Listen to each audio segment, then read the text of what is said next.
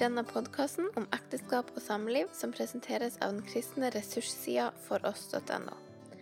Deltakere er Elisabeth og Øyvind Kringstad.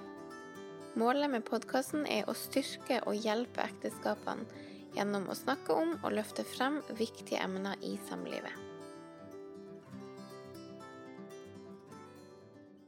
Dagens episode er en fortsettelse av forrige episode, om kommunikasjon. Og i forrige episode så snakka vi eh, litt om såløs. Den metoden som eh, man gjerne kan bruke når man eh, har kanskje jo i hovedsak til bruk i de litt vanskelige samtalene, når man tar opp litt vanskelige tema. Og såløs var jo en, en metode som handla om eh, kroppsspråket i all hovedsak. Hvordan man plasserte seg i forhold til hverandre, og det med øyekontakt og stemmebruk og sånn. Og i denne eh, episoden så skal vi snakke først om speiling. Og speiling det er òg en metode som man kan bruke i, i samtaler, og igjen da i de her, gjerne i de her litt viktige, vanskelige samtalene. Men nå handler det om metode med i hvordan man bruker ord. Såløs handler om kroppsspråk, men speiling handler mer om de ordene som man bruker. Og det heter jo speiling av det kjente ordet speil. Ja, hva? Ja. ja. Og hva er det et speil gjør? Jo, et speil det gjengir rett og slett det bildet som det ser, akkurat sånn som det ser det. Det legger ingenting til, og det trekker ingenting ifra, og det, det tolker ingenting. Det bare gjengir det akkurat sånn som det ser. Det her ser jeg, og nå viser jeg deg det tilbake igjen. Og speiling i kommunikasjon og i samtale er da, da er målet å på en måte gjøre det samme som et speil gjør. Hvis vi har en samtale der jeg kjenner på en del frustrasjon og får utløp for det, og du skal speile, hva skal du gjøre da? Jo, da skal du gjengi det budskapet. Hva er det du hører jeg sier? Og så gjengir du det, det som du, sånn som du oppfatter det, med dine egne ord. Og da skal man ikke legge noe til, ikke trekke noe fra, og ikke tolke eller på en måte begynne å utdype eller eller for den saks skyld prøve å svare på, finne løsning på ting, liksom, og svare på problemene og sånn. Nei, ikke gjør det. Ikke gjør det, Øyvind. Det er jo du ganske god på. Mm. Men du skal rett og slett bare gjengi budskapet. Hør, forstår jeg det rett? Jeg hører at du sier at du er frustrert fordi sånn og sånn. Har jeg forstått det rett når jeg, når jeg tror, oppfatter at du mener det og det? Altså bare gjengi det som du hører, sånn som du hører det, men med bruk dine egne ord. Og hva på en måte er da poenget med det, kan man jo si? Jo, det er jo flere gode grunner til å bruke denne metoden. Eh, Blant annet så vil den som da, hvis vi på en måte fortsetter noen eksempler, at jeg er den som får utløp for frustrasjon, og du er den som speiler, hvilken opplevelse vil det gi meg? Jo, da vil jeg oppleve at Eller jeg får en sånn bekreftelse. Jeg merker det at jo, men du, nå har du forstått. Eller man får rydde opp i misforståelser. Nei, det var ikke det jeg mente. Jeg mener jo at Ja, nå har du forstått det riktig. Nå skjønner du hva det er jeg mener. Nå skjønner du eh, den frustrasjonen som jeg bærer på. Jeg vil føle meg forstått. Jeg vil føle meg bekrefta. Og som sagt, det er jo veldig viktig og aktuelt å gjøre, særlig i de der samtalene der man lytter til frustrasjon. Så er speiling en veldig sånn fin metode å bruke. Ja, og for det som skjer, er jo En ting er at man får sagt det. Altså Ja, får rett og slett gi uttrykk for ens følelser. Og ens frustrasjon, da, for å bruke det uttrykket. Ja, uten å på en måte at den andre nødvendigvis skal ha et svar hele tida. For det i seg sjøl er jo godt å bare få utløp for alt Ja. man føler på. Ja, og, og da får man det gir man utløp for det. Man får Ja, på den måten så må man formulere seg. Eh, Og det gir hjelp til å reflektere eh, og bli mer bevisst på hva er det egentlig jeg tenker på. Hva, som, Ja, når man må sette ord på det. Ja, hva skjer på en måte i meg nå, akkurat nå. Um, og ja, altså punkt én Man får mer klarhet i det sjøl når man må formulere seg.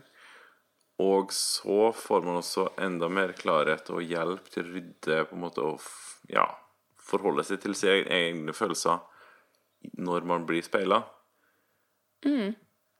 Ja, rett og slett.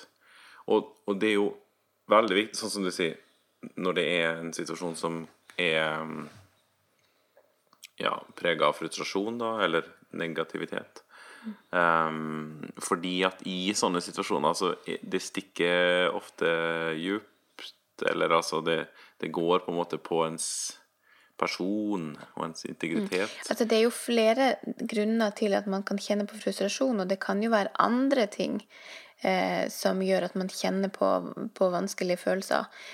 Eh, det trenger jo ikke nødvendigvis å være av ektefellen, Nei, det er sant. men Men det, Best, det er det, for det er det jo av og til òg. ja, så er det jo veldig fort å gå i lås i, i at det blir en konflikt, og at det rett og slett blir veldig vanskelig å løse opp i. Ja, for man, svar, man lytter til frustrasjon, og så svarer man veldig gjerne ofte med at man ønsker å forsvare seg sjøl. Ja. Og forklare ja, men du har jo misforstått, det var jo ikke sånn du må kjenne på det, jeg mente det jo sånn, eller Og så er vi i gang. Ja. Sant? Så i stedet for å på en måte dra det rett over i det, så må vi prøve å unngå det, og heller drive spehilling. Mm. Um, Fordi, fordi at det, det er en eh, metode som hjelper oss i å løse opp i misforståelser, og, og som kan gjøre det lettere for en sjøl, eller for, for de som snakker i lag, da, å løse opp i konflikten. ja, og forholde seg Og mer til, seg til Ja. til frustrasjon. ja. Og her har vi jo et kroneksempel. Ja, vi har et veldig godt eksempel på det fra eget liv. Eh, der du speiler meg Ja, det, uten å egentlig vite at det var det vi gjorde. At det, Nei, det et- stemmer, det stemmer også. Ja, Jeg visste ikke at det, at det fantes et begrep på det. Men det var jo for noen år siden nå, da når vi bodde i Bodø. Så var det en periode i mitt liv der Ja, vi kan vel si det sånn, der jeg ikke hadde det spesielt bra. ja. Og Og det det var var flere ting. ja, det var flere ting som spilte inn, eh, og som faktorer som påvirka den eh, opplevelsen der. Men, men jeg hadde det ja, ikke spesielt bra. Ehm, og det merka jo du. Ja, og, og noen ting gikk jo på meg òg. Ja, noen ting hadde jo med vårt forhold å gjøre. Ja. Men det var andre ting. Det var jobb, og det var forskjellig. Og da var det en dag, en kveld, at du kom med et A4-ark og en tusj og sa at nå skal vi, nå skal vi snakke om det her. Tror faktisk det var et A3-ark. Ja, ja det var et A3-ark. Um, og da ga du meg en mulighet til å bare tømme ut av meg, fortelle om alt som jeg syns er vanskelig. Men vi tok det på en måte emnevis. OK, vårt forhold var vanskelig. Du begynte med at du skrev mitt navn i, en, i midten med en sirkel rundt. Det var liksom tema for tankekartet. For du lagde et tankekart, rett og Ja. Og så var vårt forhold et sånn, en sånn strekkpunkt, liksom. En boble ut. Ja. En boble ut. Og så fikk jeg fortelle hva er det jeg syns i vårt forhold som ikke var så bra, eller som jeg skulle ønske at kunne være annerledes. Mm. Og så skrev du det ned med i stikkordsform. Det vil si, du speila meg det som jeg sa. Og jeg fikk se på en måte svart på hvitt skriftlig at ja, her, nå har han skjønt det. Ja, det her stemmer. De her stikkordene riktig. Og så fikk jeg fortelle om jobben, det som var vanskelig der, Mm. og de andre punktene liksom i, i livet som var vanskelig. Og jeg husker faktisk vi satte noen regler på en måte for den samtalen før vi begynte. Mm. At jeg ikke skulle gi respons. Ja, du skulle Altså, Mm. ja, ikke begynne sånn som jeg alltid gjør, da. med å finne en løsning på problemet. Ja. Du skulle bare rett og slett speile, du skulle høre på det jeg sa, skrev det ned. Ferdig med det. Og det var det vi gjorde den kvelden. ja, så sa vi også da at en, en regel eller en forutsetning var at nå tar vi opp det her om en måned. Mhm. Og det gjorde vi. Ja, og da tok vi fram det tankekartet som du hadde laga, for å på en måte se hvordan sto det til nå? Var det noe endring I situasjonen var det noen faktorer som kanskje ikke var med lenger. Og så lagde vi et nytt tankekart. Da fikk jeg på nytt igjen muligheten til å fortelle og til å bare brette ut om alt sammen, der du bare skulle lytte og speile og skrive ned. Og så fikk jeg jo òg rydda veldig da i, i følelsene mine. Hva er det egentlig som er det største problemet, og hva er det som, egentlig, som ikke er så farlig, egentlig? Som godt kunne vært annerledes og bedre, men som ikke har så mye å si. Og så fikk jeg også sett utviklinga, hvor at ting hadde endra seg. Og det her snakka vi om at det her skulle vi gjøre en gang i måneden, så ofte det var behov. Men det ble faktisk bare behov for en tredje gang. Mm. Fordi at da hadde jeg fått rydda opp i Klart det var jo en del ting som hadde endra seg, sånn utenom òg, men det var så god hjelp i seg sjøl, det at jeg fikk fortelle, jeg fikk se at du forsto, jeg fikk bekrefta, og jeg fikk rydda opp i mine egne uh, kaotiske tanker og følelser. Og det leder oss jo nett, rett inn i jeg håper å si, punkt nummer to her i denne episoden, Eh, som handler om empati. Fordi at når det skjedde, speilinga, så var det en hjelp for deg, eh, som på en måte fikk gitt uttrykk for ting her, da.